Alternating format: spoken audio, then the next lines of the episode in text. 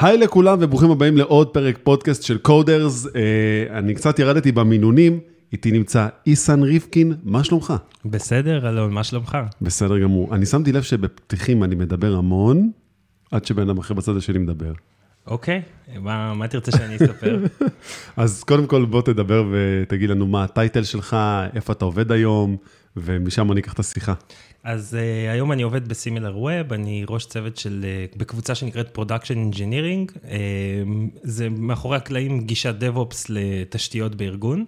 אה, וזהו, יש לי גם פודקאסט שנקרא בוקר קוד, אה, שהוא בעברית. אני שמעתי אותו. אה, באמת? מעולה. אהבת? כן, כן, כן. אה, אז תודה, תודה רבה. אה, וכל הפואנטה שם זה כזה סביב open source, אה, להיכנס לדברים מאוד טכניים. Uh, לא קל להיכנס לדברים טכניים אה, בשיחות לפעמים, זה... כן, כי, כי אתה מדבר פתאום על שפות תכנות ואיך היא בנויה, ולך תסביר את זה במילים, זה קצת כמו... וגם אתה צריך ללמוד את החומר, שזה גם... אה, אבל זה הכיף, כי דווקא זה דברים שאני מכיר טוב. כי אה, ואז אוקיי. אני נהנה לדבר עליהם, והבעיה שזה קצת כמו לרקוד אדריכלות. אז אני- לרקוד אדריכלות, בוא נשמע, אני כן. עדיין מנסה להבין את זה, כאילו, איך אתה מסביר על קומפיילר במילים. איך אתה מנסה להסביר. תשמע, זה... אני אישית הייתי אומר לעצמי, טוב, אני חייב ללכת לקרוא, כדי לזכור שאני כאילו אומר את הדברים הנכונים, כי זה קל מאוד ליפול אחרי זה, ואז אנשים מתחילים לכתוב אה, פידבקים, אה, הוא לא יודע על מה הוא מדבר. כן. אז אה, כל פודקאסט אני מחכים יותר ויותר. אז אה, ככה, אז קודם כל, שוב אני אומר, ברוכים הבאים לקודרס, והפרק היום מתרכז בעיקר על אה, מה זה DevOps. מה זה DevOps, אני רוצה שג'וניורים וג'וניוריות סוף סוף יבינו מה זה DevOps, למה צריך את האנשים האלה, למה בדרך כלל הם מאוד מאוד מרוכזים וקשה מאוד לדבר איתם. זה לא בגלל שהם לא נחמדים, הם פשוט עושים עבודה שהיא באמת עבודת קודש מאוד מאוד קשה, ויש גם דרך לדבר איתם. אז אה, דבר ראשון, בואו נתחיל איתו. למה חברת הייטק, עזוב, כמעט כל חברה היום צריכה איש DevOps. אז כאילו, אני אתחיל מהמובן מאליו, שזה תלוי בגודל. אה, לפני שנכנסים לתפקיד ומה ההגדרה שלו, אה, וגם זה, אגב, אה, עניין ש, ש, שאני נוטה ל, ל, להסביר, שאני מראיין אנשים שבאים לתפקידי DevOps, כי Production Engineering, אף אחד לא יודע מה זה. אז הם באים כאילו ל-DevOps, אבל תכלס זה, ואז אתה שומע מה הם עושים בעבודות הקודמות שלהם, ו, ולכל אחד לוקח את זה למקום קצת אחר. אז קודם כל, גם התפקיד עצמו, יש לו ליבה ודברים מאוד אה, דומים ומשותפים, אבל כאילו, זה לא בהכרח אומר דבר אחד לכולם, זה לא כן. אומר את אותו דבר. אז, אז בוא נגיד ככה, יש לך בצוות פיתוח בדרך כלל, יש לך איש product, יש לך איש QA, יש לך מפתחת, Backend, Frontend, ואיפשהו שם בין הצוותי פיתוח הסקואדים, בדרך כלל יש לך גם איזה כמה אנשי DevOps. לרוב הם לא, לא מקוטלגים לאף צוות, הם ממש סוג של מחלקה בפני עצמה, אה, וכשצריך אותם הם עושים כזה reach out. כן. אז אוקיי, אז, אז בעצם מה הם עושים? מה אתה יכול להגיד כאילו אז- שב base של ה base שהם צריך אותם? אז הייתי אומר שבסופו של יום יש את ה-core business של החברה, שזה המוצר שעליו לקוחות משלמים כסף, או open source, לא משנה, יש את המוצר של מה שמנסים לעשות. נכון. סביב המוצר הזה, אני קצת חושב על זה כמו אינטל. אז נגיד, אה, נניח שלאינטל יש מוצר אחד, הוא הצ'יפים. אבל יש פאב, יש את המפעלים, ובמפעל הזה צריך אה, אה, שרשרת אספקה כמה שיותר יעילה, כי אם פתאום יש לך הפסקת חשמל של שעה במפעל, זה יכול להיות נזק של מיליונים לצ'יפים. נכון. אז זה מאוד דומה אה, בעולם התוכנה. כשאתה בונה תוכנה, אז, אה, אז תפקידי ה-DevOps, כלומר, זה כל תחומי האחריות שהם יותר תשתיתיים ולא ה-core business של המוצר. כלומר, אם הפס ייצור שלי מפסיק לעבוד, אם האפליקציה מפסיקה להזרים מידע או אה, להכניס לקוחות חדשים, יש לנו בעיה רצינית, במיוחד בחברות אה, גדולות, אבל לאו דווקא רק. כן. ואז אני חושב שיש לזה כמה רגליים. רגל אחת זה reliability. זה איך אתה בונה מוצר שהוא למעלה. אה, רק בחודש האחרון היה שלוש, שלושה outages רשמיים באמזון, כלומר, הענן של אמזון לא מתפקד ב region, ב data center שלם בארצות הברית, וזה קורה. וזה קורה. כן. ולך עכשיו, תתלונן. עכשיו, התפקיד עכשיו, באותו רגע, אנשים מתחילים לקבל אס.אם.אסים. בי בי בי בי בי בי בי כן. בי, כל, אתה רואה את כל ה-CTOים, VPים, מתכנתים, כולם ב... יו יו יו, זה לא עובד, מה עושים? אז זהו, אז מתחילים לקבל אה, התראות, ואז אתה יכול להגיד אחד משתיים. או שהתשתית שלי לא הייתה מוכנה מספיק, אז פה פשוט נחכה עכשיו לחסדיהם uh, שיתקנו אותם בעוד אולי שלוש שעות, ובינתיים האתר לא נגיש. נכון. או שבכלל לא נפגעת, כי מראש אתה חושב במיינדסט של reliability ו-disaster recovery, ואז אתה, אה, אז התשתית שלך אה, יודעת לעבוד גם במקרים של כשל. אה, נכון, כן. אז- כלומר, יש לנו פולבק, יש לנו איזה אה, אה, משהו, אה, בסיס אחר, לי- לי- לי- כאילו להיות איתו, במקרה שלנו, להתמך בו. אנחנו רצים תמיד במקביל על עוד דאטה סנטר. כן. ממש, ואז אם יש לך... אזור- כאילו יש לך primary ו- וסוג כזה של כן, אם, secondary? אם אין אינטרנט וחשמל בכל ארצות הברית, אנחנו תמיד ב live גם באירופה ונהפוך הוא. ומה זה, זה כאילו סוג של איזה listener מסוים, ש... או שזה צריך להיות manual? איך, כאילו, מעניין איך זה עובד. אז קודם כל זה במקביל, במקרה אוקיי. שלנו נגיד, אוקיי? אז בהקשר הזה של reliability, זה נקרא active-active, ה setup. אנחנו, לקוחות שבאים מארצות הברית שקרובים יותר גיאוגרפית מגיעים לשם, והכל משוכפל שם ומשורת משם, ולקוחות שקרובים יותר לאירופה גיאוגרפית, הכל משוכפל שם. ואז אם יש איזושהי בעיה, חלק אנחנו יודעים לזהות אוטומטית. אפילו לפעמים בפקודה, ו- ואם לא אוטומטית, אז בפקודת Slack אחת, אנחנו עושים shift לכל מה שמשרת לקוחות, ואז הוא רק ממקום, נגיד, רק מאירופה, או רק מארצות וואו, הברית. זה surge אה, רציני של פתאום traffic שמפנים אותו, אבל זה כל כך נכון מה שאתה אומר. חברה לא יכולה להתקיים היום אם היא לא מסתמכת על זה שמשהו יכול לקרות, כי תמיד קורה משהו. היא, באמת, כמו שאמרת, אם זה הפסקת חשמל, או איזה בעיה של טעות אנוש אה, שיכולה לקרות, הכל יכול לקרות בעצם, ואנחנו רוצים תמיד שאנחנו נהיה זמינים 24/7, במיוחד בימינו היום, שכולם זמינים וכולם רוצים להיות זמינים. לגמרי. ו- אני אתן לך גם אנקדוטה ספציפית למוצר של Similarweb, אז הוא מוצר שלא נכנסים אליו כמו פייסבוק כל חמש דקות, ואז אם פעם אחת במהלך היום אה, משהו נתקע זה מוזר. פה מדובר בחברות enterprise גדולות שיכולות להיכנס אליו גם פעם בכמה ימים. כי זה הרבה פעמים לקל- למחקר וכאלה, ועד שאתה נכנס אתה רוצה שזה יהיה למעלה. אה, אז, אז זה העניין. אז יש reliability, יש אספקט של אה, security. הבטחה, מאוד כן. חשוב. כן. אז אותו אספקט של אבטחה, יש גם רגולציות, אז הרבה פעמים חברות גדולות בכלל לא עושות איתך עסקים, אה, אם אתה נגיד לא SOC 2 compliant. יש כל- שזה כאילו סוג של תקן למי שלא... כן, זה סוג של תקן. סוג של תקן מאוד חשוב. זה תקן שהוא אה, מגדיר, אה, כמו חותמת, אתה כן. אה, מאובטח סוג 2, ויש יש גם תקנים שהם מגיעים לרמת הספריות קוד שאתה משתמש בהם, ולרמת ה... באמת, ממש ה bits וה bytes בתוך הקוד. כן. אז תלוי מי הלקוחות שלך ומה אתה משרת, אבל הרבה לקוחות enterprise בכלל לא נותנים לך לשמור את המידע שלהם, אם אתה לא SOC 2, נגיד, זה די בסיסי. נכון, זה כאילו, בעצם אתה לא יכול לעלות רכב לכביש אם אין לו בעצם אה, חותמת של המדינה, שהנה הוא עבר טסט, ואתה באמת יכול לנסוע עליו על הכביש, וזה סוג של quality מסוים, שיש הרבה חברות שרוצות שהחברות שבאות במגע איתם, בעצם זה, זה, זה, זה סוג של, זה לא כיסוי תחת, זה פשוט סוג של אה, ביקוש מסוים שצריך, כשאתה נכנס ל-level מסוים עם, עם העבודה שלך, כן, ואם אתה לוקח אותו מכל הלב, זה קצת כמו שיחות רבעוניות בארגון, יש אנשים שמגלגלים עיניים, אה, שיחה רבעונית. זה כל כך אה, ארכאי. אבל זה לא, כי זו שאלה של איך תיקח את זה. אז נגיד, אנחנו לקחנו את, הדבר הזה, את האילוץ הזה של security, ולמקום הכי טוב שאפשר. כלומר, הבנו שזה באמת חשוב, ואז גרמנו לארגון לעבוד הרבה יותר טוב, בהתחלה זה היה הרבה יותר קשה, אבל הרבה יותר טוב, כי פתאום ההח- ההגדרות שם זה שצוות א' לא יכול לגעת בדברים שהוא לא צריך, של צוות ב'. ו- שזה קורה... המון. המון. ואז אתה גם אומר, מי נגע בזה? אז גם זה מחייב אותך סוג 2, נגיד, אודיטינג, להגיד בדיוק מה סט האירועים שקרו. אז פתאום כשאתה לוקח את זה ברצינות ועושה את זה כמו שצריך, נהיה לך שקט. נכון. יש לך בעיה, אתה כבר יודע מי נגע, מתי נגע, וכל הדבר הזה הוא אה, גם מאוד מבוקר. שימושי. כן, ממש הוא לא מבוקר. כיף כל כך, הוא, אבל הוא שימושי. התזוזה היא מאוד איטית כשמתנהגים בצורה כזאתי, ו...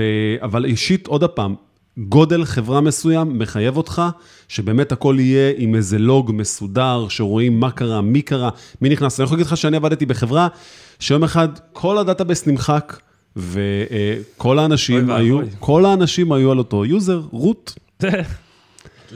לא עלינו. אז אני שאלתי את הבן אדם, איך מוצאים את אה, מי שאשם? הוא אמר, אין בעיה, אני שם את כולם בחדר אחד, ואז אני שואל, מי עשה את זה? שהוא ירים את האצבע. כן. זה הכל, אתה מבין? כאילו, זאת הייתה שיטה לא טובה כן. לאיך אה, לגרום לזה לעבוד. כן. אז, אז גם security, הייתי גם uh, לוקח, יש, אז דיברנו על reliability, כלומר להיות יציב, לדעת נכון. לעמוד ב, באסונות. security, אספקט נוסף נורא נורא חשוב, זה דווקא כל הקונספט של visibility. היכולת לראות ולקבל עיניים לתוך המערכת, אה, ואם פעם העולם הזה היה הרבה יותר פשוט, כאילו היה לך איזה שרת פיצה, מכיר את השרת אחד, כולם רצים עליו, היום אה, לצוות של שלושה אנשים אה, יכולים להיות 40 מיקרו-סרוויסים נכון. שרצים בקונטיינרים על Kubernetes, עוד 14 למדות באמזון, עוד 15, חמישה דאטאבייסים. ואז מה קורה כשיש לך R&D בגודל של 600 איש? נכון. ואז סרוויסים גם מדברים אחד עם השני. כי כל העולם הזה נהיה מבוזר, נכון? כל אחד נכון. עושה איזה micro-service קטן, ואז יש לך איזה שירות א' שפונה לשירות ב', שהלך ל database, שחזר ל Lambda, ואיך אתה עכשיו יודע... Lambda, רק למי שלא יודע, זה בעצם סוג של להפעיל פונקציה ב cloud, מבלי להרים עכשיו server. זאת אומרת, אני יכול להרים באמת פונקציה מסוימת אה, ב-Node.js או ב Python או לא משנה מה, שהיא עושה רק את זה. אז זה אנקדוטה לאנשים שיבינו כן. גם קצת מה זה Lambda. אה, אז שם אה, נהוג גם לחלק את זה ללוגים, מנט ומטריקות. כלומר, יש נכון. הבדל, אבל בכל מקרה, אז, אז, אחריות, אז אחת האחריות היא גם לדאוג לכל התשתית הזאת, כדי שכל מהנדס ומתכנת, בלי קשר אלינו, יהיה לו עיניים בצורה הכי, עם אפס מאמץ. אנחנו גם דואגים, במקרה שלנו, אה, בצוות שלי, אנחנו דואגים לספק תשתית שאתה אפילו לא צריך לשנות כלום בקוד שלך. אתה דוחף קוד ל production, נכנס לאיזה לינק, ואתה יודע הכל, החל מתהליך ה deployment, האם ה deployment הצליח, האם הגרסה עברה בהצלחה. אתה כבר לא מכניס אותו ל Jenkins, אתה אומר בעצם, אתה נותן לו בכלל איזה UI יפה, אה, משהו שהוא יותר פשוט לסלק. בשבילו. לינק, אפילו, כן, זה אפילו איזה בוט שפשוט משדר לו מה שצריך. כן, אז הוא נכנס, או היא, יכולים לראות. ואז אתה יכול להתחיל לראות uh, מה קורה, עד לשלב שפתאום גם אם יש תקלה, אז כשאתה קם בשלוש בלילה, שזה המקרה הכי, הכי חמור שיש, הדבר האחרון שאתה רוצה זה להתחיל לשבור את הראש. אתה רוצה ללחוץ ולראות. כן. Um, וגם שזה יהיה נגיש לכולם, ולא איזה 15 פקודות טרמינל uh, חשוכות שאתה צריך לזכור בעל פה. גרפ זה וגרפ הוא, ו... כן. העיקר אז... להגיע לאיזה משהו בתוך הקוד של הקוד. אה, אז מצד אחד אתה רוצה לספק את זה בצורה שהיא גם למעלה. תחשוב שאם יש תקלה באמזון, שוב, אתה צריך עיניים. כן. אז, אם, אז אתה צריך לחשוב על זה, על העיניים הזה. אה, לוגים, לוגים היסטורית, לדעת מה קורה, גם בשביל security audit, נגיד, להסתכל שנתיים אחורה, לפעמים צריך, אם הייתה לך חס וחלילה פרצה. כן. אה, לדעת ביצועים, האם ה service שלך מקבל בעיות או לא, ואחד הדברים שהכי חשובים בעולם הזה, זה שאנחנו יודעים אה, על בעיות בפלטפורמה לפני הלקוח. Mm. וזה אה, חלק חשוב. חשוב מאוד. כן. אם עכשיו נגיד אה, אה, באחוזון מסוים, אה, יש אה, אה, זמן תגובה ארוך, מעל שנייה, בפלטפורמה שלנו, אנחנו יודעים על זה תוך 30 שניות. זה כזה ניצחון שה-R&D תופס את זה לפני הלקוחות כן. ולפני ההנהלה, זה כן. כל כך חשוב. אה, שאתה אחרי זה מרגיש כמו איזה ווינר, שאתה בא ואומר, מצאתי את הבעיה לפני שהגיע בעצם לאנשים. לגמרי, אז גם זה, אה, גם למצוא את הבעיה לפני שהלקוחות שלך מגלים עליה. אה, וגם לדעת לנטר את רק את מה שחשוב, ובאמת... וגם חושב... לחשוב, אתה יודע מה, אם המידע בסוף יצא corrupted, כלומר הוא נפגם ולא טוב, גם אז לדעת איך לעשות את ה... את האינטגרציות האלה כדי להחזיר את המידע למה שהוא היה, יש פה המון דברים שצריך להסתכל עליהם, ועקב אכילס מאוד גדול של כולם לפי דעתי בסיפור הזה, זה בעיקר database ים, שאם קוד אתה יכול לשמור אותו בגיט, ואז יש לך איזה מצב state שאתה תמיד יכול לעשות rollback אליו אחורה, עם database זה משהו שהוא מאוד מאוד רגיש, מידע יכול להיות פתאום corrupted, אז אני מאמין שגם, אני לא יודע איך אתם, איך אתם עושים את זה, אבל אני מאמין שכאילו יש אה, איזה save ים כאלה שאתם עושים, או איזה backup ים שאתם עושים כל כמה זמן כדי לחזור אחורה, אני בטוח. אז, אז לדבר על database ב-Similarweb, זה כמו לדבר על דג עם, על, עם דג על מים. זה בכל מקום, כי אנחנו כן. חברת דאטה. כן. אה, ואתה יודע, זה כמו כלי כזה, כאילו, יש לנו database ים, פותרים כל מיני בעיות, יש לנו הכל מכל הסוגים. יש מקומות שבאמת יש לך פתאום backup ים, ואתה אומר, אה, אני יכול לחזור ארבע שעות אחורה, במידה ויש אסון, השחזור ייקח לי שעה ויהיה ידני, וזה ממש בסדר. כן. אה, ויש מקומות שהדאטה גם כפול, בשני data center ים במקביל, אה, ותמיד חי וקיים. וכן, יש לנו גם מערכות שנותנות גיט מעל דאטה. או. כן. אז עכשיו אני מתחיל לראות, ב-2021 התחלתי לראות, שהתחילו לצאת הרבה איזה service. אה, שירותים כאלה שהם באים לגבות לך את הדאטה ממש דומה לגיט. כן. שזה מדהים בעיניי. זה ממש מגניב, זה גם נותן לך לפתח ולהרוס דברים בלי לפחד. כן. יש נגיד פרויקט open source נחמד של אה, חבר'ה ישראלים, אבל זה open source לגמרי. Mm-hmm. נקרא lakeFS. אוקיי. אז הם עושים לך ממש גיט מעל database שנקרא S3. אתה יכול וואו. לעשות checkout ל-branch, וזה גם לא מעתיק את הדאטה, זה copy on write, זה כאילו חכם. זה יעשה העתקה רק אם באמת שינית משהו. זה production ready? כן. אוקיי. אנחנו עובדים עם. זה, לא במערכות production הקריטיות שלנו, אבל לגמרי כאילו משתמשים בזה ומבסוטים, כי זה מאפשר פתאום למהנדס לעבוד על דאטה של אה, שש שנים, על פטאבייטים, בלי לחשוש. הוא עושה checkout ל-branch ומתחיל לשחק. וואו, זה כל כך מוריד את אה, מפלס החרדה. אני, כן. אני, בתור מישהו שנגיד נגע גם בהרבה מערכות תשלומים וכאלה, שזה באמת שיא הפחד, אה, אני חושב שאתה יודע משהו, יש בזה משהו טוב ומשהו קצת פחות טוב, כי כשלא היה לי בעצם את הכלים האלה, אז אני יודע שהייתי כל כך זהיר ועושה כל כך הרבה טסטים, אז אני חושב שצריך לחשוב תמיד שכאילו אין לך בעצם את הכלי הזה. כן. בכל מקרה. כן, אז יש בזה משהו. אה, אבל אגב, חלק מהתפקיד שלנו, אז בהקשר הזה דיברתי על אה, עיניים, נכון? על כן. visibility ו-monitoring. לדעת שיש התראות, security, reliability, אה, ויש עוד אספקט שהוא טכני, הוא מאוד מאוד חשוב, והוא משיג הרבה מטרות, שזה קשור ל-infrastructure as code. מכיר? כן, אתה בטוח בטח, מכיר. ברור. אה, אז זה הדבר שכולם שונאים באיזשהו מקום. אה, כאילו, אם, אם אתה ביום-יום כותב קוד JavaScript ואתה כותב web server ים, ואז אתה רוצה להרים איזה database וכמה שרתים, ואולי עוד service ים כאלה ואחרים של אמזון, או ס, ספקי שירות אחרים, אז מה אתה בסך הכל רוצה? להיכנס ל-UI, ללחוץ קליק, קליק, קליק, קליק. שיקרה משהו. ושיעבוד, נכון? לא, אבל אז בא ה-DevOps המרושע, ואומר לך, אין לך הרשאות. אתה צריך לכתוב את זה בקוד. נכון. ואתה אומר, מה קוד עכשיו? מה, ב-JavaScript? לא, לא, יש Terraform, יש Pulumi, יש כל מיני מערכות. כן, ואז אתה מתחיל להיכנס לקבצי YAML ובלאגן ודקלרטיבי, כאילו, מה אני רוצה שיהיה שם? כן, אז באיזשהו מקום, אה, עכשיו, אה, לכתוב את התשתית כקוד, זה, אה, זה, זה נותן לך מענה לכל כך הרבה דברים של stability ו-reliability. תחשוב שמעצם העובדה שהתשתית שלנו בקוד, אנחנו יכולים לרוץ בשני data center ים במקביל כל הזמן ב-live. מטורף. אתה משנה משהו, אז זה בקוד. עכשיו, מדובר במאות service ים, אלפי שרתים, אתה לא יכול אה, ב-UI לשחזר את זה. אה, אז, אז זה דבר ראשון, ואז אני חושב שפה נמדד העומק והגישה שלך ל-DevOps. אז day one, ביום הראשון שיש לך DevOps בחברה, עם אה, ש... חמש... 12 מתכנתים, התחילו לדרוך אחד לשני על הרגליים, לא ברור איך עושים deploy ל-production, קצת ידנית, שומרים אה, מפתחות SSH במחשב האישי כדי להיכנס לשרתים. כן. אין VPN, אין כלום, ואז בא ה-DevOps, day one, הוא מתחיל לכתוב את התשתית בקוד. הוא אומר, חבר'ה, הגיע הזמן להיות רציניים, מתחיל לקחת כלי, נגיד, מאוד פופולרי, היום הוא די הכי נפוץ, אופן סורסי, נקרא טראפורם. כן. אז הוא מתחיל לכתוב את הטראפורם לכולם. באיזשהו שלב, הוא נהיה בטלנק. נכון. אה, כי בעצם כולם צריכים אותו, והוא צריך לסיים את מה שיש לו באותו רגע, אז... כולם צריכים אותו, כן. וגם, תכלס, מה הוא מבין מעבר לכלי הטכני הזה, אבל באיזשהו מקום בא אליך בסוף איזשהו אה, בן אדם שכל היום נגיד מתעסק בדאטה סייאנס באמזון. ועכשיו הוא צריך להרים כל מיני כלי data science ולקנפג אותם. אז אתה, אני בתור data scientist, או בתור מישהו שמתמחה בעיבוד תמונה, או צריך איזושהי תשתית, אני מבין הכי טוב מה אני צריך. כן. אז, אז לא רק שעכשיו זה bottleneck כי ה-DevOps צריך לעשות לי את זה, אלא גם הוא לא מכיר את ה-domain שלי, אז כאילו, מעבר לעובדה הטכנית שהוא עושה את זה, איך הוא יודע לעשות את ה-best practices. נכון. תכלס, אני יודע אותם.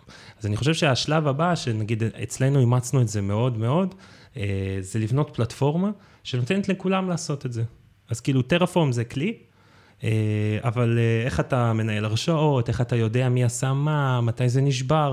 אז נגיד הגישה שלנו היא, היא אנחנו 11 איש בקבוצה, אה, ויש מעל הרבה אלף עובדים. זה זה הרבה DevOps, כן. אז זה- לא, יחסית זה מעט מאוד ביחס ל-R&D. יש- באמת? כן, יש אה, 400 איש ב-R&D. אה, יש 400 איש, כן. אוקיי. אם אני אכתוב לכולם את ה-Terraform, זה לא ייגמר טוב.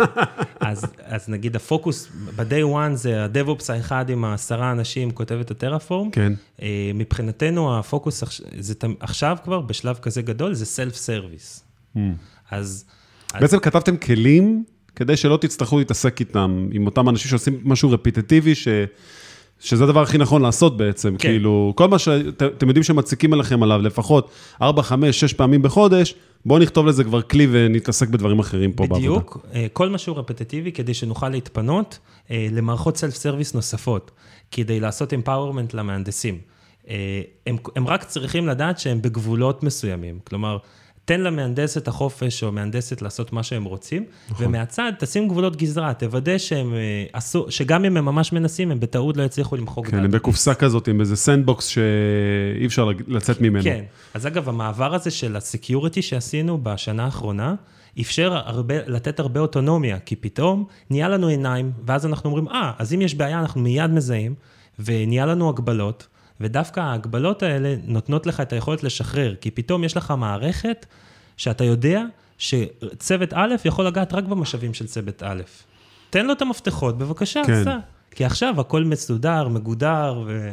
זה, זה, תשמע, אני אגיד לך כזה דבר, DevOps אמ, זה אנשים שכשאני מסתכל מהצד, אני אומר, בואו, הם באמת, ניאו מהמטריקס, באמת הכל zeros and ones אצלם, ו, ואני לא אומר את זה סתם, כי אני, אני, אני 15 שנה כותב קוד, ואני עושה דברים שהם של DevOps, אני יודע להרים Kubernetes, אה, ואני יודע לחבר את הכל, אה, אבל אה, כשהייתי צריך פתאום קצת דברים יותר, אתה יודע, דברים שיותר סיזיפיים וכל, רציתי לגדר את זה, רציתי את השכבת WAF שתהיה בצורה מסוימת, רציתי לדוגמה ש routeים מסוימים, אני אוכל לקבוע אותם לא מתוך הקוד, אלא מבחוצה לו. אז הייתי צריך נגיד עזרה, ואתה יודע, אתה תמיד מביא איזה מישהו מקצועי, חיצוני, שיבוא ויעזור לך עם זה, ואז כזה הוא מסתכל מהצד ואומר, מי כתב את החרא הזה? ומה לעשות? אני מפתח, אני 15 שנה כותב קוד, כן. וכל הזמן אני מתקדם, וזה תמיד שם אותי בנקודה כזאת שכאילו, איך שאני רואה איש DevOps, אני מתלבש עליו, במקום לפחד ממנו, אני מתלבש עליו, הופך להיות החבר הכי טוב שאומר לו, בוא, בוא נשב לאכול צהריים. עלה, אני מזמין אותך, העיקר בוא, תסביר לי איזה משהו פה על דוקר, תסביר לי איזה רגע משהו על ה-CACD. כי אני חושב שאנשים, אה, כשמסתכלים על DevOps, הם, אה, יש להם קצת רתיעה מסוימת, כי בדרך כלל, תשמע, זה אנשים שהם באמת כל הזמן עסוקים, ומהצד זה נראה לפעמים, שהם מחמיצים פנים, הם, אתה יודע, הם לא מדברים, הם לא נמצאים בהרבה שיחות של אנשים אחרים, אבל הם לא מבינים משהו. האנשים האלה באמת יושבים וקוראים את הצורה של עצמם. אה, בשביל שהמערכת, זה, זה המון אחריות פשוט, זה פשוט המון אחריות. אתה יודע שכל דבר קטן שיקרה, אם משהו יקרוס, אה, יצטרכו אותך באיזשהו שלב. וכל ה monitoring, כמו שאתה אומר, וה security, וה pipeline של מהרגע שבן אדם עכשיו עשה איזה commit, והוא עושה push, ואתה רוצה ש... או שזה ילך ל-QA, או שזה ילך ל staging, או production, או לייצר סביבות חדשות. זה הכל עליכם. זה ממש ככה, זה הכל עליכם. ויש הרבה חברות שלא מתנהלות עם DevOps. מה אתה חושב על זה? כאילו, אתה יודע, הם משאירים את זה עדיין באוטונומיה של המפתחים. האם נראה לך שזה דבר שהוא הגיוני עד שלב מסוים, או שאתה חושב שמההתחלה כבר צריך לקבל איזה ייעוץ מסוים? תראה, יש, אני מכיר כמה חברות בארץ, שכל הבקאנד שלהם לא קיים. אוקיי. אין בקאנד. מה זה אומר? כאילו הכל יושב ב-AWS כזה, או משהו כזה? הכל איכשהו מפוזר על שירותים.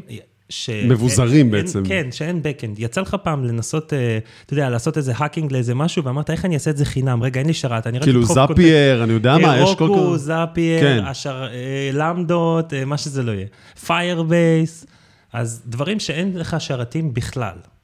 האם שם צריך את אותו, האם שם המשמעות של צוות תשתיות DevOps זה אותו דבר? לא בטוח בכלל. Mm-hmm. אבל בחברה שאתה יודע, שיש לך שרתים וכאלה, אחרי גודל מסוים, זה בדיוק ההבדל בין ג'נרליסט לספיישליסט. אני מניח שהיית בסטארט-אפים בחייך mm-hmm. קטנים, ובסטארט-אפ, okay. אה, כשאתה מעט אנשים, אתה עושה הכל. הכל, מהכל. אתה גם IT, ואתה המנקה, והטבח, ואתה הכל. קניות. כן. אה, אבל אתה גם על כל הטכנולוגיות, ואתה גם אה, בדרכך שלך, בין אם זה טוב או לא, אתה גם האיש security וה monitoring, וכותב כן. לוגים לפלאפון האישי שלך, ומה שלא תרצה. ממש ככה. ואתה generalist, ומגייסים generalist, ומגייסים אנשים שהם על הכל. באיזשהו שלב... יש limit. כן, זה יש... נהיה specialist. אני, data science. נכון. אני, Backend Node.js. נכון. אני, full stack.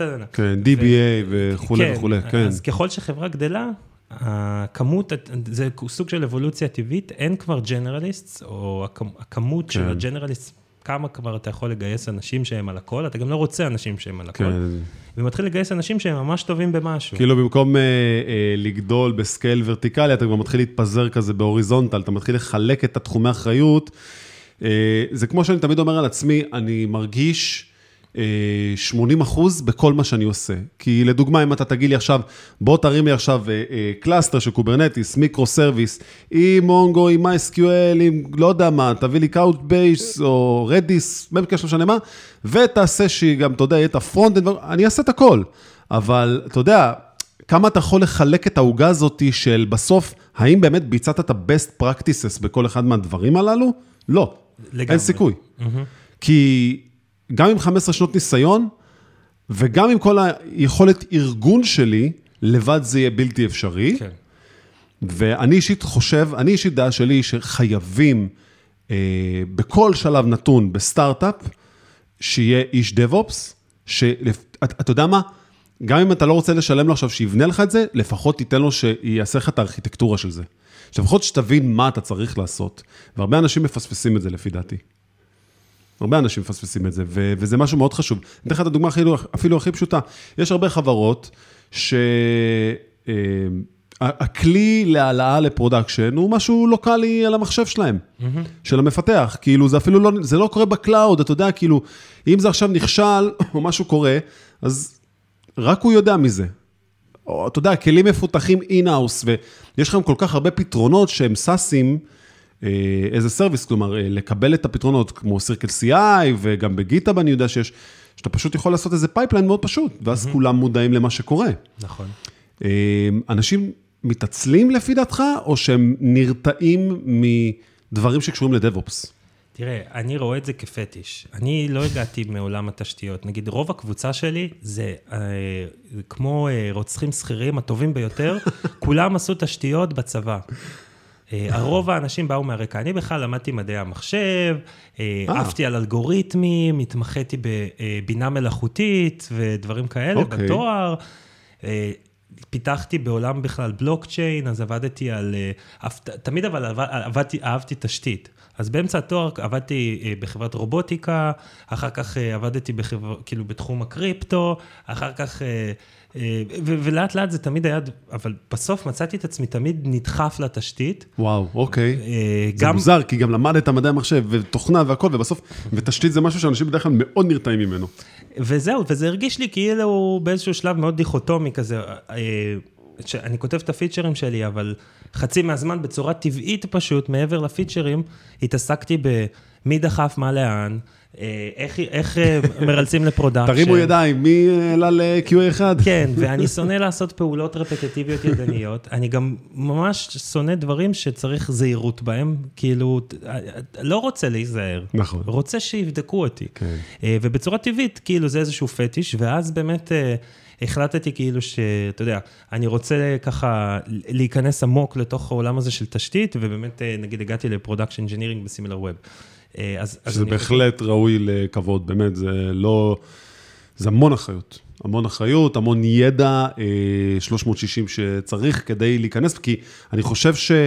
בעולם ה production, בואו בוא נדבר עכשיו תכלס, עולם ה production, זה מה שמעניין, יאללה, פיתחנו כלי כזה, שיותר נחמד להעלות איתו קוד לבדיקות והכל.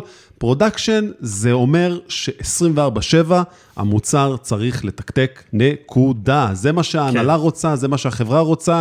אם זה לא קורה, ביג פרבלם. אחד ה... אז לגמרי. תשמע, יש שני דברים שלמדתי שאני חושב שהם אה, היו בשבילי כזה התגלות. דבר ראשון, בהתחלה נכנסתי לתפקיד ולא מצאתי את עצמי. כשאתה באמת נכנס לתשתיות, אז פתאום הלקוחות שלך הם ה-R&D. והם כזה, הסרטיפיקט פג תוקף. עכשיו, אתה יכול לבחור לש... להחליף להם את הסרטיפיקט, או לאטמת את זה ולא לחשוב על זה יותר בחיים. נכון. אבל אתה אומר, רגע, זה לא בדיוק לכתוב קוד. נכון. ואתה, וזה לא תמיד, לפעמים אנחנו מתעסקים בדברים שהם אה, לא לכתוב קוד, או הרבה מאוד. No זה code, לחבר נכון. מערכות ביחד, זה לקנפק דברים בצורה נכונה. כן. ו, ואז אתה מתחיל בהתחלה, היה לי נורא קשה עם זה, כי אני כאילו אומר, רגע, למה אני לא כותב קוד? אני אמור לכתוב קוד, זה מה שאני, אני צריך לקום בבוקר ולכתוב קוד, זה מה שעשיתי עד עכשיו, בכל התפקידים הקודמים. ופתאום הבנתי שאיכשהו זה לקח אותי לשלב הבא. כי היום בעולם של open source ובענן, ובמיוחד ברגע שזה אה, אה, חברה שקצת גדלה, mm-hmm. הכל כבר הומצא. נכון. והרבה מוצרים לא צריך לכתוב, והיכולת שלך ל deliver impact, היא לא באה בכלל בשורה אחת עם היכולת שלך לכתוב קוד. נכון, ו... הראייה והידע הם בעצם התיאורטיקה של להבין את ה... איך הכל עובד, זה כמו, אתה יודע, אתה צריך להבין את מערכת השמש כדי להבין איפה כדור הארץ באותו רגע נתון. כן. זה, זה לאו דווקא ה- לדעת, את ה, לכתוב את הקוד שיפתור לך את הבעיה. לפעמים לבנות... אולי dash- באוטומציה, אבל לא... לפעמים לבנות dashboard של, אה, שמראה לבן אדם שכל אחד ב-R&D יכול להיכנס ופתאום לראות בדיוק איפה הבעיה, זה לא לכתוב קוד, אתה בונה, אתה עושה drag and drop, אבל אתה ממש מבין מה כדאי לראות ומה נכון. לנטר, ואז כולם משתמשים בזה, וה impact אדיר, ו- וזה, וזה בכלל לא לכתוב קוד. אז הדבר הראשון שלמדתי בתפקיד, אז זה שהוא הכריח אותי להבין ש impact לא שווה לקוד. אתה יכול לכתוב הרבה קוד, ושיהיה לו אפס impact, אה, ולעשות דברים שהם לא קשורים לכתיבת קוד, ושלא תבין לא נכון, אנחנו כותבים הרבה קוד, אנחנו אפילו עושים open source, ב Go וכל מיני כאלה, אבל... וואו, אוקיי. אה, אבל, אה, אבל זה. והדבר השני, כן, זה, בעצם אתה אומר, בעצם הרעיון של ה- הפיצ'ר או הפתרון, ה solution שתביאו, הוא באמת מה שמשנה בסוף. זה מה שמייצר, זה לא השלוש-ארבע שורות קוד שבסוף כתבנו, זה רק לארגן את המחשבה, להביא את את הרעיון, זה מה שיוצר את, ה, את הפתרון הגאוני הזה. לא צריך לכתוב הרבה קוד, והרבה פעמים פשוט זה לדעת להשתמש בכלים הנכונים ביחד. נכון. אבל הקטע שבארגון אתה רוצה להיות כל כך agile-י, לפתח, זה אומר שזה ה core business שלך, כי פיתוח צריך לתחזק. נכון. אז חלק מהתפקיד DevOps שלנו זה לפתור בעיות. כ production engineer, אני לא שואל את עצמי אם אני צריך לפתח. יש לנו הרבה דברים שממש אנחנו מפתחים, כמו שאמרתי, אבל אני קודם כל שואל, שואל מה צריך, מה ה-requirement, והרבה פעמים אני רואה שחיבור של כמה מערכות פותר לי את הבעיה בקלות, במיוחד בעולם ה open source, וזה חוסך המון לארגון, כי לא צריך לתחזק את זה, אתה מחליף את הדברים האלה בלי לחשוב פעמיים, וזה, וזה משהו שכאילו למדתי ש impact זה לא לשבת, כאילו השלב הבא ש, ש, של מהנדס ש, שגדל, זה לא לכתוב עוד קוד, זה דווקא כן. לקחת צעד אחורה ולעשות דברים קצת אחרים. נכון. והדבר השני שלמדתי, זה יישמע קצת מוזר, אבל הרבה פעמים אנשים חושבים ש, אה, ש, שהדבר הנכון של DevOps, נגיד בעולם ה-CICD, אה, איך אתה עושה טסטים אוטומטיים ודיפלוי אוטומטי וסקיוריטי וכל זה, זה לגרום לכולם להיות הכי אפקטיביים. כלומר, אני רואה משימות של, אני- של מה אני עושה, ואני אומר, איך אני גורם לעצמי להיות הכי אפקטיבי? אני צריך להיות הכי אה, אה, יעיל שאפשר. בולט, להראות, כן, להראות שכאילו אתה מייעל. זהו, אבל לא זה, אלא דווקא בבחירות שלי של, של המשימות שאני בוחר לקדם, mm-hmm. אוקיי?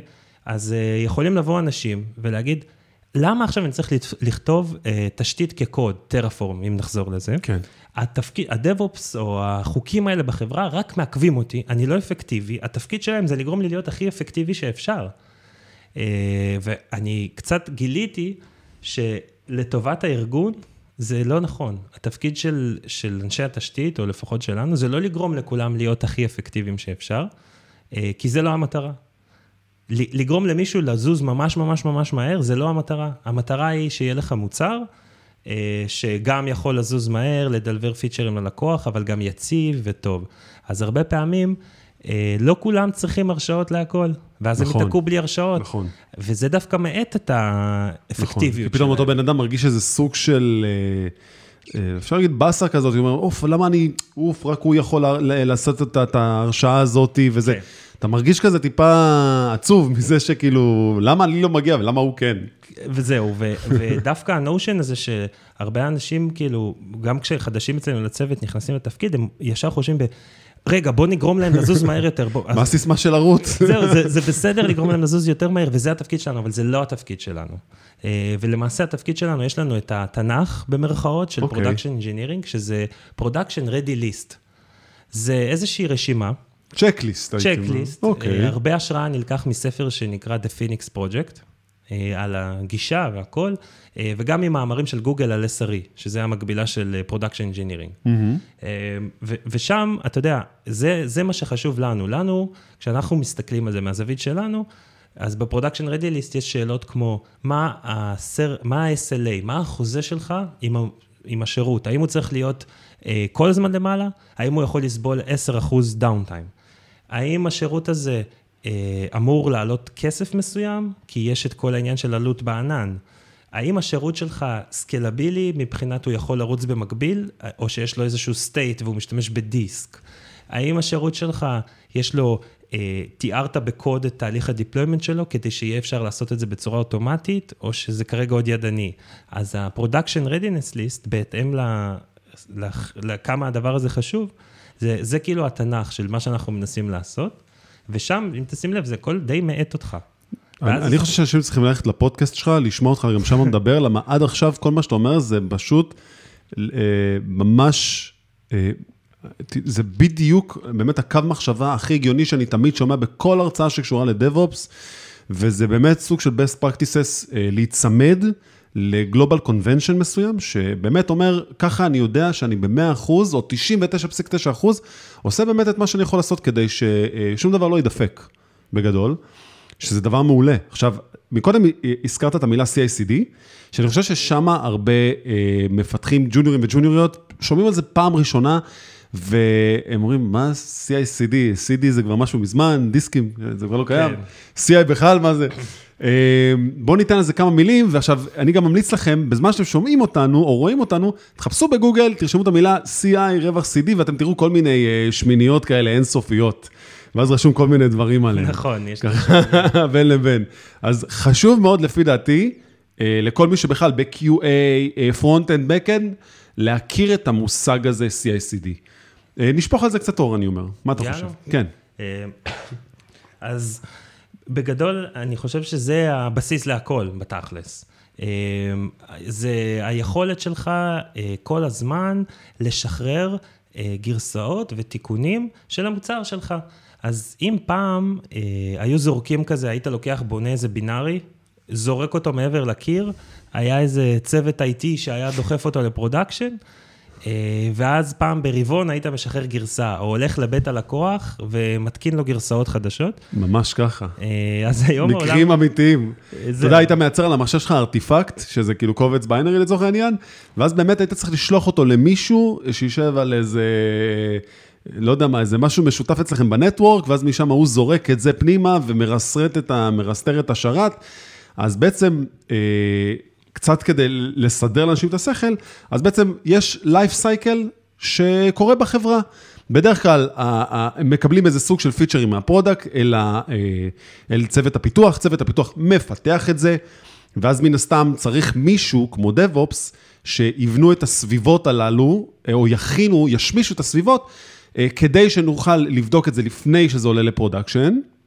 וגם כל העניין של ה... שזה עובד כאילו כביכול כמו איזה סוג של קסם, כי אתה בעצם, אה, לדוגמה, אתה יכול לעשות איזה push אה, ב Git, ואז יש איזה משהו שמאזין לזה, יש כלים כמו Jenkins אה, אה, ועוד הרבה הרבה סוגים שונים של כאלה, שפשוט task runner ים, הם יודעים לקחת את, ה, את הקוד ולהפוך אותו ל...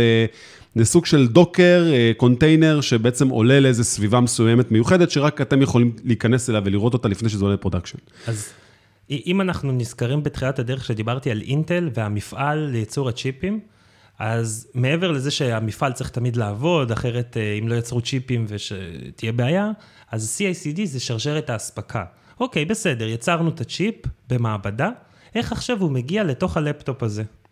אז CI/CD זה תהליך שהוא uh, Continuous Integration, הוא בדרך כלל מדבר בעולמות של uh, test ים ובדיקות אוטומטיות כל הזמן נכון. לקוד, וה-Continuous Delivery זה אספקט שאומר, בסדר, בדקנו זה תקין, איך עכשיו דוחפים ומקדמים את זה ל production בצורה שהיא uh, הדרגתית. נכון. ו- ו- שהכל יהיה גם באוטומט כזה, אתה יודע, שהכל יהיה, כמו שאתה אומר, עם audit מסוים, או איזה אה, יש בדיקות, לדוגמה, אה, איך אני תמיד תופס את זה, שבעצם מישהו עכשיו מעלה איזה feature והוא רוצה לשלוח אותו לאיש ה-QA, ברגע שהוא דוחף את זה אה, ל Git, הייתי רוצה שאותו איש QA כבר יקבל איזה ping קטן ב Slack של עלתה הגרסה, אני לא צריך לעדכן את הבן אדם אנושית, הוא נכנס ל-URL, לדוגמה, סתם QA נקודה שם החברה, ה branch, ואז הוא בודק בעצם את ה feature, עובד, לא עובד, אתה יודע, פינג פונג הולך וחוזר. וגם טסטים שרצים אה, על ה cloud לצורך העניין, כדי לראות שבאמת אם יש איזה unit test או smoke test, או לא יודע מה, אתה יודע, יש אלף ואחד טסטים שעונים לעשות.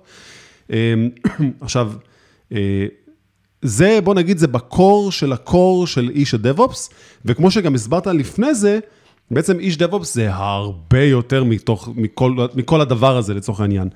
אה, מה שכן אני יכול, לדוגמה, לחשוב, סתם אם ניקח חברות באמת באמת סופר ענקיות, אני מאמין ששם אה, איש דב-אופס, אה, הוא יהיה יותר אחראי על משבצות מסוימות מאוד, כאילו, יש לך נראה לי קצת יותר אלסטיות באיך שאתה חושב ועושה.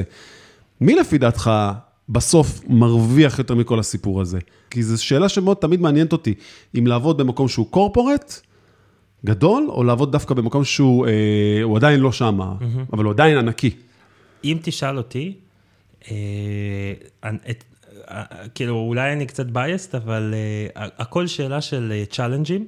אני פחות מתחבר לרעיון של לצבוע צוותים, כלומר, צוות שהוא רק CI/CD, זה נראה לי פשוט קצת משעמם אה, ברמה האישית.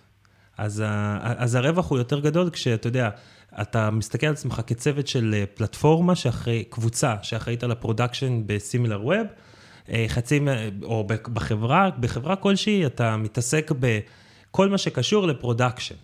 אה, כל, תחת כל מיני אחריות, ודואג ליצור פלטפורמה. עכשיו, אם פתאום אתה נהיה רק צוות CI/CD, או רק צוות visibility, שבאיזשהו שלב זה בלתי נמנע, או רק צוות security, אני חושב שזה קצת יכול לשעמם. אז... כן, תראה, אני אגיד לך כזה דבר, אני חושב שבגדלים כאלה של חברות, מה שכן יכול לקרות זה שאולי באמת שם התהליך עצמו של ה-CI/CD הוא כל כך אה, אה, ב scale כזה גדול, שאולי בעצם שם, רק לעשות את זה, זה כאילו איזה סוג של איזה masterpiece, שאתה צריך כאילו ממש להמציא אותה מ scratch כדי שזה יעבוד. אז תלוי בסקייל של כל דבר, למרות שאני מאמין ש... שכשחברה גודלת, אז, כאילו אתה דווקא רוצה לפשט, כאילו אתה כן רוצה שבן אדם לא יהיה לו יותר מדי אחריות על כל המעטפת, אלא על דברים מאוד מאוד קטנים. אמ, אז תשמע, אני כן אגיד על זה משהו, זה עניין גם של גישה. אה, יוצא לי לראיין חבר'ה שהם באים ואומרים, אני הייתי, אה, עבדתי בחברה X מאוד מאוד גדולה ומרשימה, והיה לנו איזה 1,500 pipeline ים שתחזקנו של Jenkins, אה, של CI ו-CD בצוות.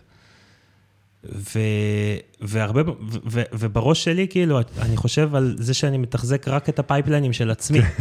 אז יש פה קצת קונפליקט בתפיסה.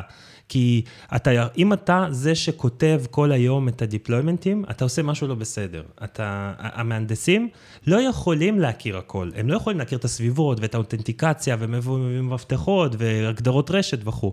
אז הגישה שלנו היא self service. בפעם הראשונה באו אלינו בתשתית אה, CI/CD שלנו, אה, וכתבנו job לאנשים, ובפעם השנייה וברביעית, בפעם השישית, נמאס.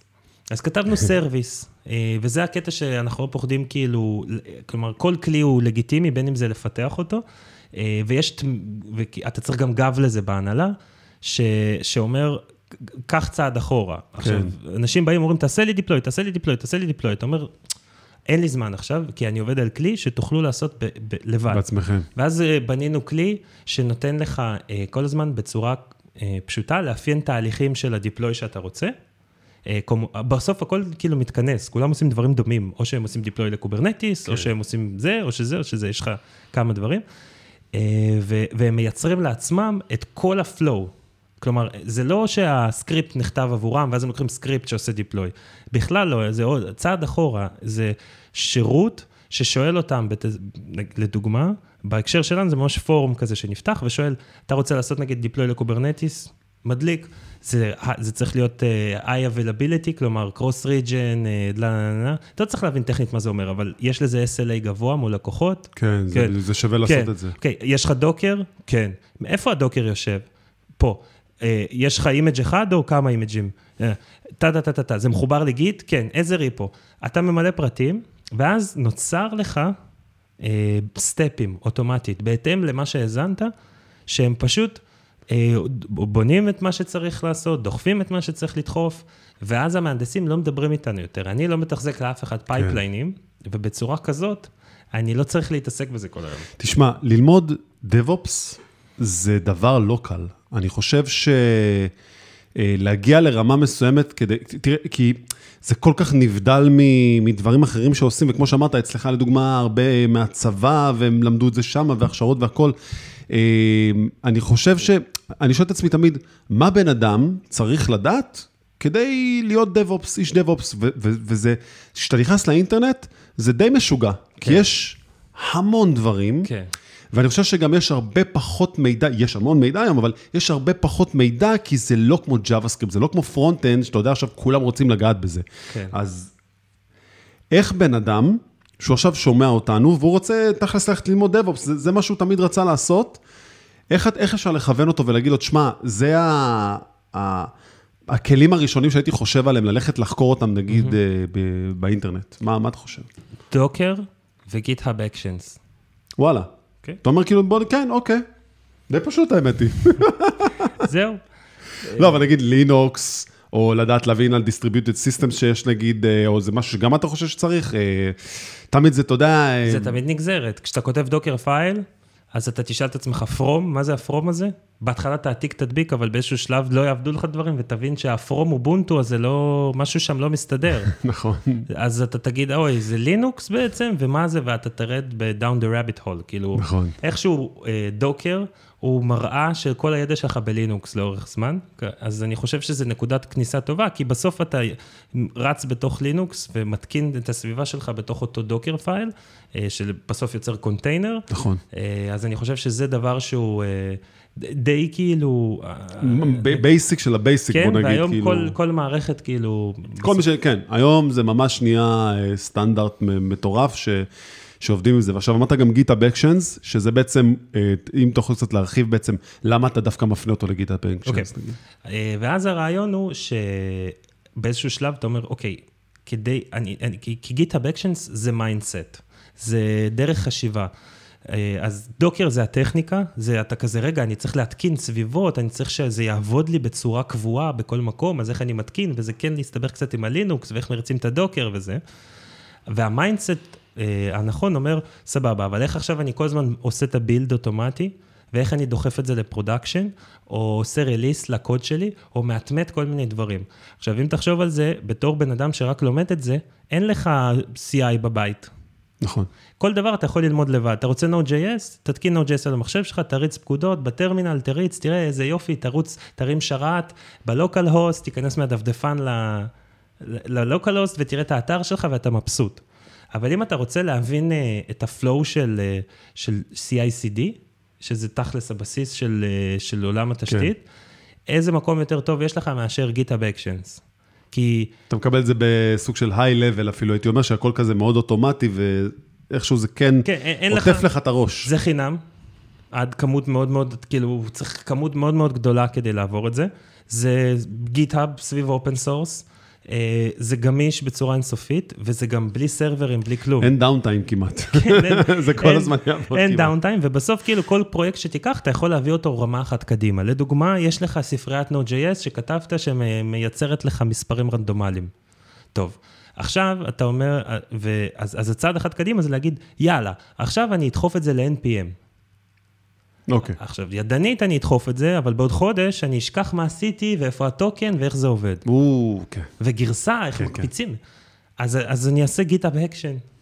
במקום לעשות READMEים, אחד, אני עושה ככה, שתיים, אני עושה ככה, פשוט עדיף שכבר תכתוב את זה בתור איזה סקריפט שפשוט יעשה לך את זה שזה יעבוד. כן, ותחבר את זה ל GitHub Action, וזה הדרך הכי טובה להבין CI/CD. אה, פתאום אתה אומר, רגע, מה זה אקשן? זה רץ? איפה השרת של זה? איך אני כותב את זה? איך אני מעביר לשם token אה, כדי לדחוף ל-NPM? למה אתה חושב שיש כאילו, מהעיניים שלך, אתה יודע, עזוב אותך שם להסתכל על, על התעשייה ועל כל הדברים, למה אתה חושב שאין אה, אה, הרבה אנשים שבעצם הולכים לתחום ה DevOps, ויש מחסור מאוד גדול. זה, אני יכול להגיד לך את זה, כי אם אתם מגייסים, אז אתה יודע שזה כאילו לא קל.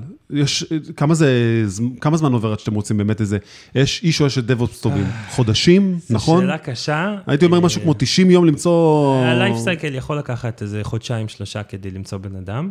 אה, והמון רעיונות, כאילו, תלוי בפופולריות שלך, אז אנחנו מראיינים המון, ואז באמת, אה, כן, זה לוקח זמן. זה לוקח זמן. אבל אני חייב לשים דברים בפרספקטיבה. אוקיי. לכולם לוקח היום זמן, גם למצוא Backend Engineer טוב ואיש UI טוב כן. ו full stack טוב, זה באמת שפשוט יש פה בעיה, זה פרויקטים כמו Coders, זה מבורך כי החינוך לא, לא מספיק באוניברסיטאות ובבתי הספר, מה שעושים זה רחוק ממה ש... ש... מהקצב, כאילו, מבחינת הביקוש בתעשייה. אה, ואז אני חושב שהדברים שאתה עושה הם סופר קריטיים. אה, זה דבר ראשון. אה, אבל כן, זה מאוד קשה. אני חושב שפשוט, DevOps זה הרבה יותר קל ממה שבעצם, אה, אה, אה, הייתי אומר, עושים מזה, כי, תשמע, בסופו של יום, אני כמפתח, כל פעם שהייתי רואה שהאיש DevOps שלי, היה לו משהו, הוא לא יכול היה להגיע אליי, לא משנה כמה הייתי מתחנן בטלפון, בהודעות, איך שאתה לא רוצה, הייתי מנסה לגשת אליו, הייתי פשוט צריך לשבת וללמוד את זה בעצמי, ואז אתה מבין שזה זה, זה לא כזה נורא, אתה פשוט בא מתוך איזה כובע של להיות המפתח, ואז כשאתה מתחיל להתעסק עם זה, זה כאילו לוקח לך מהזמן פיתוח, אתה מבין? אז אם הייתי עכשיו משקיע את הזמן שלי בלהיות איש DevOps, אני חושב שהייתי אחלה איש DevOps. אבל אני רוצה להיות המפתח, ולא איש, איש DevOps, אז אני צריך בעל כורחי ללמוד. אתה יודע, אם אני צריך לעשות עכשיו איזה SSH לאיזה מקום, ולייצר איזה קי מסוים, ואז, אה, לא, אתה יודע, יכול להיות אלף ואחד דברים שקורים שם. אמ, אז אני, אני אישית מוצא את זה מאוד מעניין. אני חושב שאנשים מאוד נרתעים מזה, במיוחד אה, אה, מפתחים. ובמיוחד פרונט-אנדים לפי דעתי, שהם תמיד חיים בעולם הבראוזר כמעט, ופחות mm-hmm. נוגעים בדבר הזה. ואני חושב שהם כן צריכים יותר להיפתח לעולם הזה, אה, כדי להבין את כל העניין הזה של בכלל, אתה יודע, ונלך לדברים שהם הכי basic של ה basic, שכאילו איך האינטרנט בכלל עובד, ומה זה בכלל server, ומה זה כל המילות Buzzword האלה של DNSים, ו-IPs, ו-Static IP, וכל הדברים האלה. אז, אז אני חושב ש... צריך יותר ללמד, אני מאוד מנסה לדחוף מהצד שלי, אה, הרבה מונחים של תשתית ושל נטוורק, במיוחד האנשים שהם בהתחלה שלהם כדי שיבינו את זה. אה, איך היחסים שלכם, לדוגמה, עם, עם המפתחים? אתם יושבים איתם על פיצ'רים? אז... אתם... כי בדרך כלל כמעט אין תקשורת. אני, אני קורא לזה... אה, במקומות אופ... שאני מכיר. אופנועים ורכבים. קטנועים ורכבים. אתה תל אביבי, נכון? כן. יש לך קטנוע או רכב? יש לי אופניים חשמליים. אופניים חשמליים. מה, מה קורה כשאתה נוהג בכבישים, בכבישי תל אביב? מה לפעמים אתה חושב על הנהגים בתל אביב? שהם מסכנים, עומדים בפקקים, אני יודע. מסכנים, יצא לך כמעט חס וחלילה, לא עלינו, אבל שפתאום חתכו אותך, לא ראו אותך. וואו, ברור, בטח. אתה, אתה בראש או צועק עליו, או בלב, או בקול, שהוא לא רואה אותך, איך הוא חתך אותך. כן, כן. אז בטח. אה, זה הקטנועים, או האופניים החשמליים, אנחנו אוקיי. כבר בניו אייג'. אתה אומר, אלה לא מסתכלים ימינה ושמאלה. ומה הנהגים אומרים? וואי, איך הוא חתך אותי, איך הוא לא שם לב אליי, הוא לא רואה. תגיד לי, מה המשוגעים האלה עושים? אתה יודע, אתה נוסע בתל אביב בנתיב, נתיב אחד, אתה מת לנסוע, ויש לך שבע קורקינטים ככה. על 20, על 20 קמ"ש עוד. על 20 קמ"ש, ואתה מת לעבור, ואתה לא מבין. או שאתה בא לפנות ימינה, פתאום חותך אותך. חותכים אותך בלי לשים לב אליך. אתה אומר, בואנה, הם כאלה קטנים, משוגעים אלה, לא רואים בעיניים. וזה, אני חושב, המסכם, לכל אחד יש את הזווית שלו. אז ב... נכון, אז... יש הרבה זוויות, כן, כן. כן. אז בזווית הזאת של ה... כשאתה מחוץ, אתה לא בצוות תשתיות, כשאתה backend או פשוט ב-R&D, עובד על ה product, אז אתה לא מבין את כמות העומס וה context switch אה, ואת הלמה צריך להתעסק בדברים שלא כל כך מעניינים אותך, מעניין אותך המוצר, לא מעניין אותך להכיר לינוקס וסקריפטים ו Kubernetes ו visibility ו production readiness. כן, קיבלת feature, העיניים שלך על ה feature. העיניים שלך עליהם, ואתה אומר, ה DevOps האלה, לא מסתכלים לצדדים. ה DevOps, מהצד שלהם, אומרים, המתכנתים האלה זורקים לי קוד ככה מהעמדה ל production, אתה יודע, פתאום אתה רואה database, נקרא test, test 2, כבר שש שנים ב production. אתה אומר, בואנה, מה, מה קורה פה? אלה המתכנתים, לא אכפת להם מכלום, חוץ מהקוד הספציפי שהם כן. רושמים. אה, זה שתי חיות שונות, זה ממש שתי חיות שונות. אז, זה... אז, אז כל מי שתשאל אותו, הוא בדיוק יגיד את הצד השני. אה, אני חושב שהגישה הבריאה והנכונה היא, וזה עם המון השראה מה Phoenix Project, וגישה של self service ו-SRE, שגוגל תכלס הם כזה ה pioneers של זה, הם mm-hmm. החלוצים. אה, וזה העניין הזה של enablement ו-self service. אני תמיד אומר לחבר'ה אצלנו ב-R&D, אני מקווה שאנחנו נדבר כמה שפחות, וכשנדבר, זה יהיה רק על קפה והא ודא. מה זה אומר? אם אתם צריכים כל הזמן לבוא אליי כדי לעשות דברים, אז זה בעיה. משהו נכשל בתהליך. כן. כן, אתם צריכים להיות עצמאים לחלוטין. כן. אה, אבל זה דורש ממני עבודה, זה לא אומר, אתם צריכים ללכת ללמוד ולקרוא ולהיות מקצוענים בכל כן. הדברים שלא קשורים אליכם, בענן וב security, אלא אני צריך לחשוב עם עצמי איך אני בונה מערכת שהיא self service, שהיא שירות עצמי, כדי שלא תדברו איתי יותר. ולא, אבל גם לא תצטרכו להיות מומחים. אז בעצם אני רק רוצה להסביר את זה לאנשים בצורה יותר אה, אה, פשוטה. זה בעצם, אתה אומר, במקום שבכלל אפילו נצטרך לבוא לפגישה, אני רק רוצה להבין מה ה-requirements שלי, מה, מה הדרישות שאתם בכלל צריכים, אני כבר אבנה לכם את הדירה, אני אבנה לכם כבר את הבית, בפנים, תעצבו את זה איך שאתם רוצים. כדי שאני אדע את זה, אז, אז, אז בתהליך הזה, מי מדבר עם מי בדרך כלל? זה יותר, זה יותר שיחות של מנהלים, שאז הם בעצם מורידים את העבודה? חס וחלילה, חס וחלילה. אוקיי. זה, זה הדבר הכי נורא. אני חוויתי את זה כל כך הרבה, שמנהלים שבאים אליך או בתלונות או בבקשות, ואז אתה מגיע לשטח ומדבר עם המהנדסים. וזה משהו אחר לגמרי. וזה בכלל משהו אחר. אתה מכיר את זה של בין ה product, מה הלקוח רצה, מה ה product... אז זה אותו דבר. אז לא, יש את הקונספט הזה של build it, ship it, own it. Mm. אז, אז, אז כאילו, אני אתן לך דוגמה מה-CTO שלנו פעם. היה לנו... ה-CTO הקודמת של סימילר ווב, היה לנו איזושהי דילמה, באנו אליה, אמרנו לה, טוב, תחליטי, את המפקדת, את הבוא, תקווה, לא יודעים, אנחנו חושבים שזה טוב, והוא חושב שזה טוב, לא מצליחים לשכנע אחד את השני. אוי, זה, זה קשה. ומשהו חשוב כזה. קשה מאוד. הסתכלה אלינו, היא אמרה, אתה מהנדס, אתה מהנדס, שניכם מבינים הכי טוב את, ערכ... את ערכי החברה ואת הפריוריטי של החברה, תקבלו החלטה, והלכה. זהו.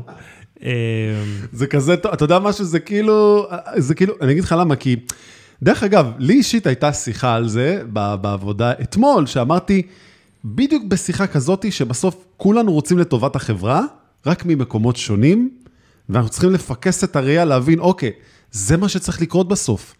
אז בעצם אין פה באמת ויכוח, יש פה אה, אה, סתם אני מאמין שרוצה לצאת יותר חזק. אה, אני מאוד כן. מבין אותך, אני מאוד מבין אותך. ואז אנחנו ספציפית, בדרך כלל אתה רוצה לעגן את זה בתהליכים שהם agile אה, והם aligned לכל הארגון, כלומר, אם ה-R&D עובד, ב... כולם עובדים היום agile ובספרינטים. כן, הרבה. אז, אז לעבוד בדיוק באותה צורה עם אותם טקסים. ואתה חושב שהיום DevOps הם, הם אג'ילים? כי בעיניי הם פחות... הם... הם יכולים, אבל בעיניי הם קצת זזים, זה לא שהם זזים יותר לאט, הם פשוט זזים בצורה שהיא מאוד סטדי.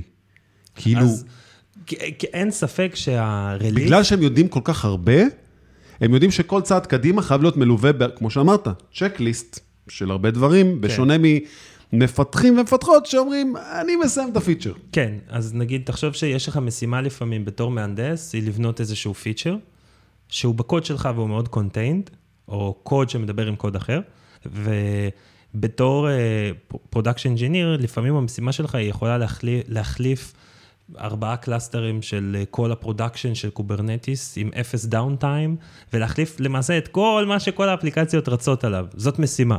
זה כאילו אני נמצא על אופניים ואני צריך לנסוע על האופניים ולהחליף את הגלגלים על האופניים בזמן שאני על האופניים. כן, אז, אז הקטע הוא ליצור מראש תשתית שמאפשרת לך את זה. production mindset זה אומר, וואו, אני לא רק מטמיע מערכת. עבודה, זה, זה כל כך הרבה עבודה. זהו, אז כשאנחנו עושים reviews אחד לשני, אנחנו תמיד נגיד מה קורה ב-day 2. אחד הדברים, HashiCorp הטביעו את המונח הזה טוב, זו חברה שהיום עושה המון בעולם הזה של תשתית open source, Terraform, Vault, לשמירת סודות, Consul, mm-hmm. ל service discovery וכל מיני דברים כאלה. ה founder שלהם עושה המון הרצאות ביוטיוב, והוא תמיד קורא לזה day one, day two. כל הרצאה של כלי שהוא מסביר, הכל כזה open source, שוב, אני מדגיש, אז הוא מתחיל, בוא נראה איך הכלי הזה נראה ב-day one, ואז day two. וש, ושם mm. הוא מדבר בעיקר על day 2. מה זה אומר? day 1, תראו איזה יופי, זה עובד, זה מתקין וזה, אבל כולנו אנשי תשתית מנוסים, אז אתה אומר, אוקיי, נו, ואיך day 2 נראה? מה קורה כשאני צריך לשדרג גרסה? או mm. להעיף את זה לחלוטין. נכון. ושם הוא גם שם את רוב הפוקוס, אה, וככה אנחנו מנסים כאילו לחשוב תמיד ב-day 1, day 2. day 1 זה, אתה מכניס עכשיו איזה משהו חדש, או, או עושה איזה feature או תשתית, מדליק. day 2, משדרגים, מעיפים, תקלות, visibility. אתם, אתם, אני אגיד לך משהו, בשבילי DevOps זה כמו uh, הלוחמים הסמוראים של פעם, שאומרים להם, אתם צריכים לדעת להילחם, אבל גם לדב, לשבת ולכתוב שירה. זה כאילו, בוא נתחבר לצד הרך והצד המאוד קשה והלוחמני, ואני חושב שזה, אני אישית מאוד אוהב אנשי DevOps, כי אני חושב שתמיד, כמו שאני יושב עכשיו איתך, ואתה עושה פה name דרופים להרבה דברים שאחרי זה אני אלך בעצמי לפרק ואני אגיד, אוקיי, הוא עכשיו אמר אשיקור וכל מיני מילים כאלה שאני בעצמי הולך אחרי זה לחפש אותם, זה, זה תמיד... אה, אנשים שלומדים מבחינתי אה, והם נמצאים איזה צעד אחד קדימה אה, לפני כולם, בדברים שהם מאוד, הייתי אומר, קשוחים, שהם לא נתפסים ככאלה מעניינים, אני אומר במרכאות, אבל הם סופר מעניינים לאנשים שבאמת מחפשים את האתגרים הללו, וזה מה שנראה לי. תקשיב, אנחנו מדברים כבר שעה. וואו. כמעט שעה, וזה עובר בטיל. ואני כבר, הראש שלי נהיה קצת אה, מטבוחה, כי עשינו באמת פה הרבה אה, אה, פינג פונג של הרבה דברים טובים. אני בטוח באלף אחוז שאנשים ששומעים את זה אחרי זה פונים ואומרים לי, תקשיב, הוא דיבר ככה ואני רוצה לעשות ככה. יש פה הרבה עניין ובשר במה שעשינו ודיברנו. בוא תיתן איזה כמה מילים על הפודקאסט שלך, שוב, וגם אני אשים אה, קישורים בתיאור של ה vidcast ושל הפודקאסט, שהגיעו גם אליך, אז, אז על מה אתה מדבר בפודקאסט? אה, מגניב, תודה. אז יש לי אה, פודקאסט שנקרא בוקר קוד, יש אותו כזה ב Spotify, ובגדול איפה שכולם מקשיבים, ב iTunes וכו'. יש קבוצת פייסבוק שנקראת בוקר קוד. את הרעיון לשם הביא ה-VP שלי. אז תתחברו גם ל- לבוקר קוד בפייסבוק, בלי קשר. כן, כאילו. יש, יש בוקר קוד. Uh, הרעיון הוא פודקאסט שהוא uh, סביב תוכנה, על אנשים, זה גם הסלוגן, והתהליכים שביניהם. Uh, אז יש לנו, כאילו, יש לנו, יש לי... Uh, לא, לא הרבה פרקים, אני בתחילת הדרך, אבל כזה, פרק אחד, אני עוד לומד את, את עצמי, מדבר בכלל על ראסט, שזה שפת תכנות, ואיך היא עובדת ומה מיוחד, בפרק אחר.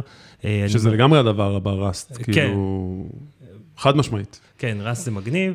אה, פרק אחר בכלל מדבר על, אה, ראיינתי אה, מישהו מחברת open source ישראלית שבונה database, אבל זה open source, אז מאוד חשוב לי, זה לא שום דבר שהוא enterprise, כאילו החברה היא עושה כסף, אבל המוצר והשאלות על הארכיטקטורה הם הכל סביב open source. אז אם אני מדבר על מוצרים, בפודקאסט זה רק open source, ואז זה נהיה או מוצרים או טכנולוגיות, דאטאבייסים, כל מיני מערכות אתה יודע איך אני מרגיש? זה כאילו ממש הם מקבלים מה שקרה שיעור מקצועי בחינם בלשמוע את הפודקאסטים האלה, ויצא לי לשמוע, ואני מאוד מאוד מאוד נהניתי, ואפילו החכמתי. תודה רבה. אה, וזה רענן, וזה עזר לי בהרבה דברים, אז אני מאוד ממליץ גם לג'וניורים וג'וניוריות ששומעים אותנו פה, אה, באמת לשמוע את זה, זה מאוד מבורך, וזה לא משהו פשוט בכלל לעשות פודקאסטים שהם טכניים, אני חושב ש... רק בלדעת ש, שמה שאתה אומר זה מה שבאמת uh, קורה, זה, זה דבר לא פשוט, צריך להיות הרבה אגירת ידע במוח כדי להגיע למקום הזה. Uh, uh, וזה, וזה פשוט, כל הכבוד לך באמת על זה שאתה עושה את זה. תודה רבה, גם לך. בשמחה, אז איסן, ממש נהניתי, היה לי ממש ממש כיף. ו- וזהו, ת- תבוא לבקר שוב, אתה מוזמן. יאללה, מגניב, כנ"ל. נתראה בפרק הבא, בכיף. תודה רבה. ביי ביי.